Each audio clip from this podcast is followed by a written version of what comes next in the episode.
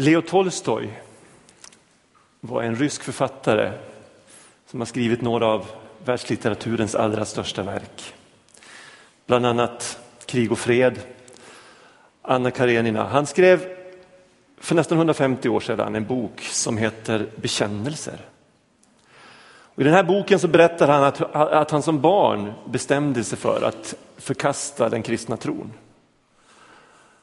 Eh, han eh, utbildade sig på universitet. Eh, efter det så kastade han sig ut i ett ganska hektiskt nöjesliv i Moskva. Ehm, han tyckte inte att det gav någonting, då började han försöka tjäna så mycket pengar som möjligt. Han lyckades väldigt, väldigt bra med det. Han blev framgångsrik, han blev berömd, han fick en massa utmärkelser. Han skrev sina böcker, men han tyckte inte att han fann svaren. Han bildade familj, han fick 13 barn. Men han tyckte inte att det heller gav livet dess mening. Han sökte inom vetenskap, han sökte inom filosofi. Han sökte i princip överallt. Och när han hade nått livets höjdpunkt så stod han vid självmordets brant. Och han ställde frågan, finns det någon mening med mitt liv som inte förtas av det oundvikliga faktum att döden väntar mig? Mer än hundra år senare så skriver den brittiske kolumnisten Bernard Levin så här, och han säger att jag är absolut inte en kristen, säger han. I länder som våra finns det massor av människor som har allt de kan önska sig av materiell bekvämlighet.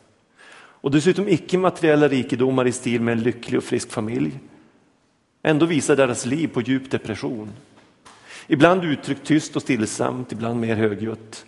Över att de inte kan bli kvitt det där svarta hålet inombords. Hur mycket mat och dryck de än häller i det, hur många flotta bilar och tv-apparater de än stoppar hålet fullt av, hur många välartade barn och trofasta vänner de radar upp längs kanterna på det så fortsätter det där hålet att verka. Freddie Mercury, sångare i rockgruppen Queen, dog 1991 i aids. I en av sina sista sånger på en skiva som heter The Miracle så, så, så frågar han så här, finns det någon som vet vad vi lever för? Den här fantastiska sångaren som jag älskar att lyssna på. Som hade tjänat en förmögenhet som hade tusentals, hundratusentals, miljontals beundrare i många länder avslöjar i en intervju kort före sin död att han var en fruktansvärd ensam människa. Han sa så här, man kan äga allt som går att få i den här världen och ändå vara den ensammaste människan på jorden. Jag ska tänja lite grann på temat idag, temat som är bön. Och så ska jag tala om Guds ledning. I den här telefonen så har jag en, eh, en GPS. Eh, GPS betyder Global Positioning System. Och GPSen har ju fullständigt revolutionerat våra möjligheter att sätta ut ett mål och hitta rätt. Och då har jag tänkt så här, finns det motsvarande något motsvarande för livet självt. Vi har ju en mängd beslut att fatta i livet. Vi ställs inför beslut som handlar om relationer, om äktenskap, om, om barn, hur vi ska prioritera vår tid, var vi ska bo någonstans. Frågor som har med pengar att göra, med semester, med ägande, med givande och så vidare. En mängd olika områden där vi söker väg. Och en del beslut är ganska livsavgörande kommer att påverka vårt, resten av vårt liv. Och en del är kanske lite mindre, mindre viktiga. Hur ska vi klara av att fatta rätt beslut i alla de här frågorna? Om man nu som Freddie Mercury, eh, som han sjunger i en av sina låtar, vill ha allt och nu. I want it all, I want it now, sjunger han. Så, så är det förknippat med ganska stora risker, vilket han också fick erfara. Men jag skulle vilja säga att risken i, i många kristna sammanhang, det är att vi blir så rädda för att göra fel så att vi inte riktigt vågar leva. Och det är ju absolut inte meningen. Därför att den Gud jag tror på, han kallar mig till frihet. Den enda frihet som egentligen är värd namnet. Eh, sann frihet. Och den kristna tron säger faktiskt att Gud vill hjälpa oss, att det finns en livets GPS, ett Guds positionssystem. som du och jag kan ha nytta av. Gud bryr sig och han vill att vi blandar in honom i våra vägval. Förutsättningen är naturligtvis att vi har någon form av relation till honom.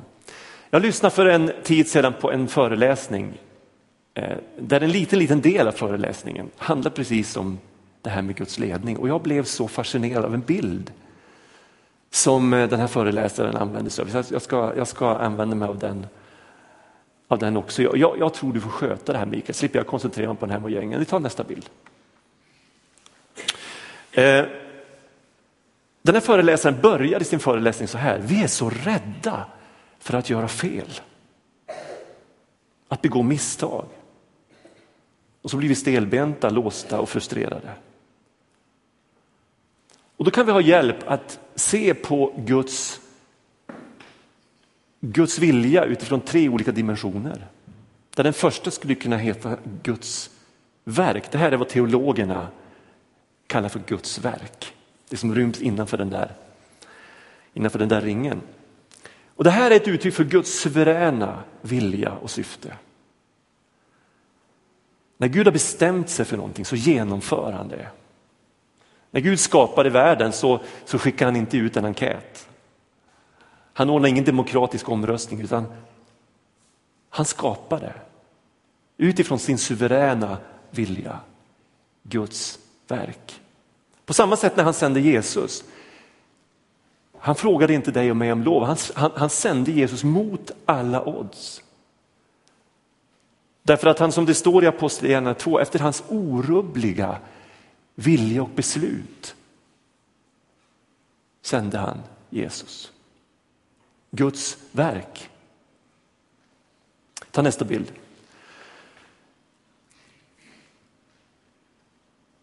Vi skulle också kunna tala om något som, som, som heter Guds sätt eller Guds, till, Guds tillvägagångssätt. Här handlar det om Guds bud och Guds lagar. Det vi hörde konfirmanderna berätta om. Vad bra ni var förresten. Jag önskar att jag vore så där frimodig och trygg som ni, som ni var när ni stod här framme. Guds bud, Guds lagar, de är glasklara i Bibeln.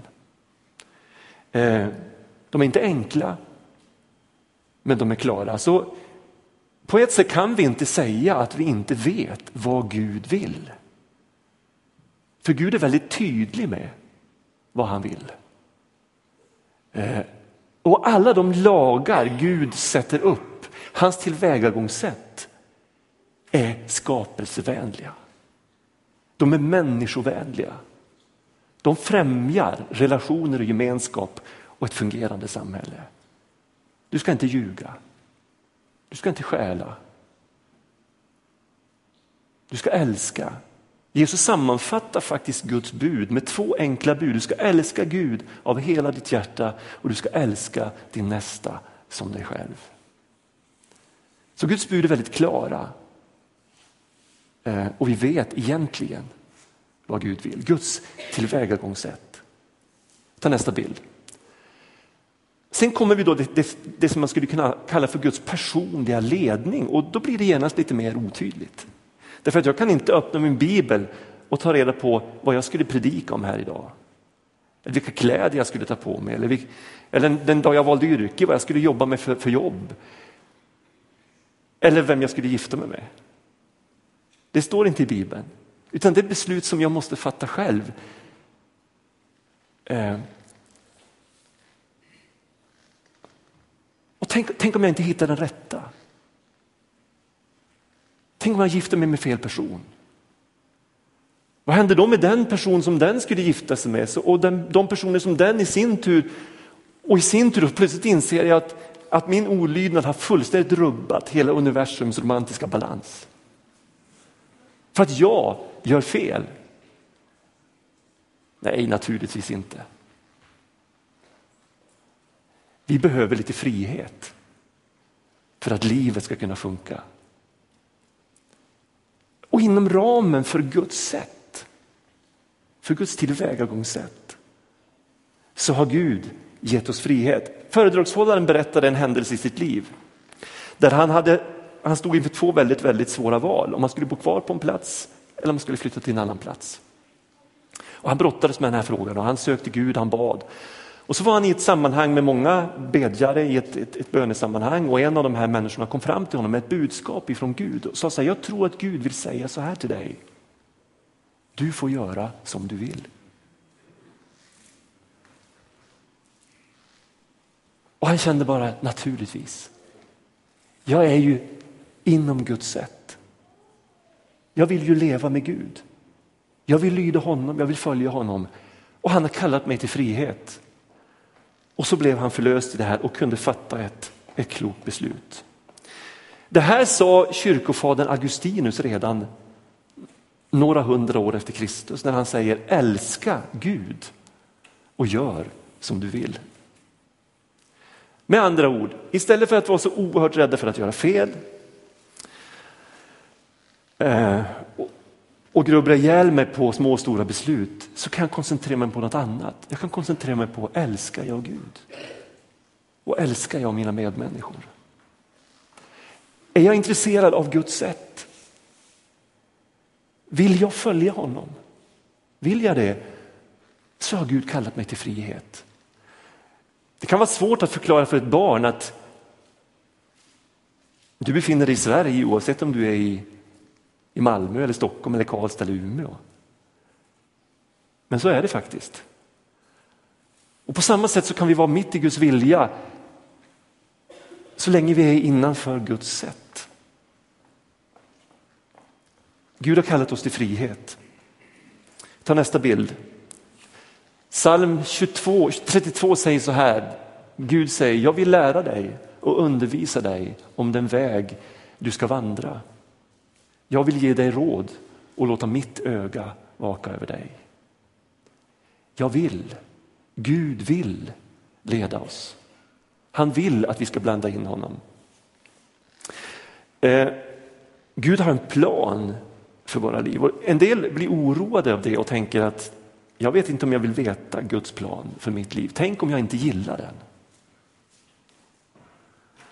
Nu tror inte jag att Gud är sån. Vi behöver inte vara oroliga. Guds kärlek ligger till grund för hans plan. Han vill bara vårt bästa. Vi tar nästa bild. Jag vet väl vilka tankar jag har för er, säger Herren. Nämligen fridens tankar, inte ofärdens, till att ge er en framtid och ett hopp. Så skriver profeten Jeremia i Gamla testamentet. Det han säger är egentligen, förstår ni inte att jag har en verkligt bra plan för era liv? Jag har bestämt något underbart för er. Jag tror att Gud alltid älskar oss. Han älskar oss även när vi är långt borta från honom. Men han sörjer när han ser att vi ställer till det för oss. Därför att vi inte frågar honom utan går utanför Guds tillvägagångssätt och tror att vi fixar det här bättre utan honom. Han sörjer, han längtar efter att vi ska blanda in honom i våra liv. Och här är Jesus det stora föredömet. Det står nämligen om Jesus att hans passion var att göra Faderns vilja. Och Vi läser i Bibeln att Jesus i allt var ledd av den helige ande. Och han säger, jag gör bara det som jag ser Fadern göra. Min mat är att göra min faders vilja. Vi gör misstagen därför att vi inte frågar Gud om hans ledning. Eller därför, därför att vi väljer vår egen väg utanför Guds tillvägagångssätt. Ta nästa bild. Han leder dem ödmjuka rätt, skriver en av psalmisterna. Han lär dem ödmjuka sin väg. Finns det någon som fruktar Herren, då undervisar Gud honom om den väg han bör välja. Det finns en livets GPS.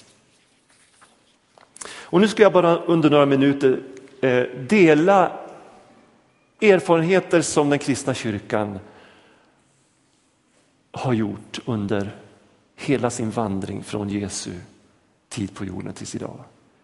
Sätt på vilket Gud kan leda oss. Det första jag redan talat lite grann om det är ledning genom Bibeln. Vi tar nästa bild. Ledning genom Bibeln. I stora drag har Gud uppenbarat sin vilja för alla människor på alla platser under alla tänkbara omständigheter. Guds lag, lagar och bud är globala, universella. Han har talat om hur, man, hur han ser på en rad ämnen och företeelser. Vi vet genom Bibeln att det finns vissa ramar för livet, att vissa saker är rätt, att andra saker är fel. Du ska inte ljuga, du ska inte stjäla, du ska inte hata, du ska inte vara avundsjuk. Utan du ska älska, du ska förlåta. Du ska älska Gud och du ska älska dina medmänniskor. Och därför kan vi vara helt säkra på att Gud kommer aldrig att leda oss emot sina bud. Så står du inför ett sådant vägskäl där du vet att nu går jag utanför Guds sätt, Guds tillvägagångssätt, så behöver du inte fråga Gud om ledning för du vet redan att du går fel. Han kommer aldrig att leda dig utanför sitt tillvägagångssätt. Eh, ditt ord är en lykta för min fot, ett ljus för min stig. Ta nästa bild. Ett annat sätt som Gud leder på är genom andens ledning. Det, det Andreas läste i början. Vi vet inte hur vi ska be, men anden vädjar för oss med rop utan ord. Gud vill hjälpa oss i vår bön och i vårt letande efter hans väg. Um, han vill kommunicera med oss och vi behöver träna oss i att lyssna på den där inre rösten. Uh, har ni ringt till era mammor idag förresten? Jag har inte hunnit göra det än. Men när jag ringer till mamma så säger jag bara hej, det är jag. Och hon sitter inte som ett levande frågetecken i andra änden och undrar vad, vad är det för röst? Utan hon vet att det är jag och jag vet att det är hon. Hon känner min röst. För den har hon hört i hela sitt liv. Man kan lära sig att känna igen Guds goda, kärleksfulla röst i sitt inre. Några sätt som anden leder oss när vi är i bön. Så här läser vi i Apostlagärningarna. Medan, det, medan de en gång höll gudstjänst och fastade sa den helige ande till dem avdela Barnabas och Saul för den uppgift som jag har kallat dem till. Och efter fasta och bön lade de sina händer på dem och skickade iväg dem. Vi vet inte exakt hur anden sa det här till dem, hur de uppfattade vad Gud ville. Kanske fick de en stark tanke tillsammans som ingen riktigt kunde komma ifrån. Och så när man pratade tillsammans så upptäckte man att vi tänker likadant allihop. Och så lydde man den här maningen. Man kan få en förnimmelse här inne. Och eftersom vi är människor så behöver vi pröva vad vi hör. Vi behöver ha de här speglarna vi liksom tittar i. Eh, är det här inom ramen för Guds sätt? Eh, Kom du ihåg att det är, det är oerhört generöst. Gud är så generös. Han vill bara gott. Det handlar om kärlek och godhet. Eh, det är skaparvänligt. Främjar det kärleken, bygger upp, känner vi frid och så vidare. Men vi får inte vara för rädda för att gå. För vill vi väl ha ett gott motiv så, så är vi innanför Guds sätt och då tar han hand om också våra misstag. Nästa bild. Anden kan leda oss genom att ge oss en stark önskan till någonting. För det är Gud som verkar i er så att ni både i vilja och gärning förverkligar hans syfte. Guds vilja kan bli min vilja, Guds syfte kan bli mitt syfte. Guds handlingar kan bli mina handlingar. Jag kan få vara i harmoni med, med kärleken själv i livet. Nästa bild. Gud kan också leda på lite speciella sätt. Och, jag ska ge ett kort exempel på det. Men vi läser först Apostlagärningarna 16. De tog vägen genom Frygien och Galatien eftersom den helige ande hindrade dem från att förkunna ordet i Asien. När de hade nått Mysien ville de bege sig till Betynien. Lägg märke till att de ville någonting som de upptäckte att det var, de fick ändra sig. För att Jesu ande tillät inte, han satte på något sätt stopp. Då gick de genom Mysien och kom ner till Troas och på natten hade Paulus en syn. En makedonier stod där och bad honom kom över till Makedonien och hjälp oss. Och när han hade haft denna syn försökte vi genast ta oss till Makedonien till vi förstod att Gud hade kallat oss att förkunna evangeliet där. Och det här är ett oerhört banbrytande ögonblick. För här bryter det kristna budskapet in i Europa för första gången. Och Gud är inblandad. Han leder människor som vill vara ledda av honom.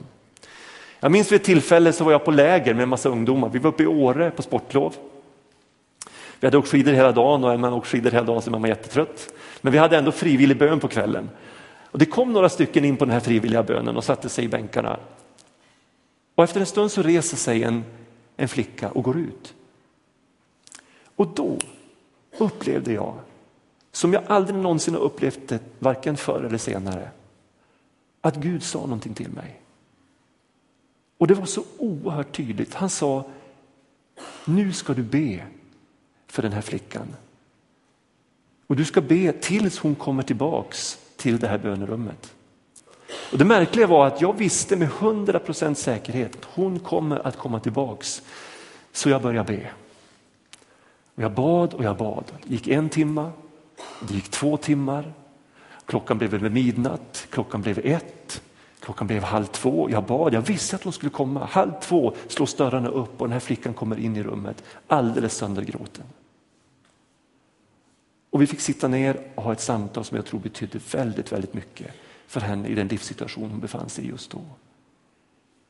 Gud talar på ett märkligt sätt som jag inte alls van att höra. Men han gav mig också tro för att det här som jag nu har sagt till dig, det kommer att hända. Det var hans gåva från början till slut. Nästa bild. Gud kan leda oss genom sunt förnuft. Eh, när vi blir kristna så är det inte meningen att vi ska överge vårt sunda förnuft. Tvärtom, det är nu förnuftet skärps. Så här skriver psalmisten, var inte som hästar och mulåsnor utan förstånd på vilka man lägger töm och betsel för att tämja dem, annars får man dem inte fram. Eh, förståndet är viktigt i en kristen människas liv, i varje människas liv. Goda tankar, förnuftsskäl är kanske det vanligaste sätt som Gud vill leda oss på. Och då är frågan, hur ska man ställa sig till det här talesättet att om du bara följer ditt hjärta så blir det bra? Och jag tror att det är bra under en förutsättning, att ditt hjärta är underställt Guds sätt, Guds tillvägagångssätt. För annars kan ditt hjärta leda dig precis vart som helst. Men om hjärtat är underställt Guds tillvägagångssätt, då kan du lita på ditt hjärta. För då är du rätt i det stora hela. Och Gud omsluter ditt liv och vill hjälpa dig även om du skulle råka göra misstag här och där. Nästa bild, genom andras råd och erfarenhet. Tänk om man ska välja utbildning till exempel. Det finns en uppsjö av utbildningar. Varför inte samla några av dem du har runt omkring dig som du har stort förtroende för och så ber du dem säga, vad tycker du? Vad tror du att jag kan? Vad tror du att jag har för gåvor? Och så skriver du ner vad de säger. Och så jämför du och så använder du ditt förstånd och så ber du och så till slut så kommer du fram till, ja men det här är nog ett bra steg. Och så fattar du beslutet, för det är viktigt. Andra kan inte fatta beslutet åt dig, men du kan ta råd från kloka människor. Och det kanske vi skulle göra mycket, mycket oftare. Ta råd. Eh, den oförnuftige tycker sin egen väg vara den rätta, men den som är vis lyssnar till råd. Nästa bild. Genom omständigheter. Människan tänker ut en väg, men Herren är den som styr hennes steg. Jag läste en berättelse som var oerhört fascinerande. Det handlar om en man som heter Michael Bordeaux. Han är föreståndare för ett, ett, för ett college som heter Keston College, ett forskningscenter som ägnar sig åt att hjälpa och stödja troende i de tidigare kommunistiska länderna. Han läste ryska i Oxford och hans lärare heter Dr. Tjernov. Vid ett tillfälle eh, för många år sedan så skickade Dr. Tjernov ett brev till Michael Bordeaux. Ett brev som han trodde skulle intressera Michael. I det här brevet beskrevs hur munkar misshandlades av KGB och utsattes för omänskliga eh, medicinska undersökningar. Hur de samlades på lastbilsflak, kördes iväg till Sibirien och slängdes av hundratals mil från sina hem. Det här brevet var enkelt skrivet Och när Michael Bordeaux läste det här så tyckte han att det var den förföljda kyrkans sanna röst han hörde. Och brevet var undertecknat Varava och Pronina. En tid efter att han hade fått det här brevet, det här var 1964, så gjorde han en resa till Moskva. Och den första kvällen där så träffade han några gamla vänner och han berättar utförligt om, som berättar för honom om de här förföljelserna av kristna. Bland annat hade myndigheterna beslutat sig för att riva två stora fina katedraler i Moskva. Och de tyckte att Michael kunde åka dit och se med egna ögon hur de här kyrkorna låg i ruiner. Så han tog en taxi i skymningen, närmast den här öppna platsen, där han minns att han tidigare sett de här vackra katedralerna, Sankt Petrus och Sankt Paulus. Han finner bara ett fyra meter högt staket och en stor grushög. Och så ser han två kvinnor som är på väg att klättra över, upp på det här staketet för att se bättre. Och när de går därifrån så följer han efter dem och hinner ikapp dem. Först blir de skärrade men sen säger de, vem är du? Och han säger att jag heter Michael Bordeaux, jag kommer från, från Storbritannien. Jag har kommit hit för att ta reda på vad som håller på att hända här i Sovjetunionen. Och de bjuder med honom hem. De tar med honom till en kvinna som frågar varför han har kommit dit och han berättar sitt ärende, att han är där Eh, för att han har fått ett brev från Ukraina via Paris, via sin eh, språklärare Dr. Tjernov. Och kvinnan frågar vem hade skrivit det brevet? Ja, det var undertecknat Varava och Pronina. Det blir alldeles tyst i rummet. Och kvinnan säger, det är Varava och det är Pronina. Rysslands befolkning består av mer än 140 miljoner människor. Ukraina, där det här brevet hade skrivits, ligger 130 mil från Moskva. Michael Bordeaux hade flugit från England ett halvår efter det att han hade tagit emot det här brevet. Han skulle aldrig ha träffat de här kvinnorna om han kommit en timme tidigare eller en timme senare till de här ruinerna. Det var på det här sättet Gud genom omständigheter kallar Michael Bordeaux till hans livsuppgift. Omständigheter eh, som vi inte kan styra, men som vi kan upptäcka. Livet kan bara levas framåt, men bara förstås bakåt, har Sören Kierkegaard sagt. Han var dansk författare, filosof, eh, levde på 1800-talet. Livet kan bara levas framåt, men ibland behöver vi vända oss om och konstatera att vi kan förstå livet bakåt. Eh.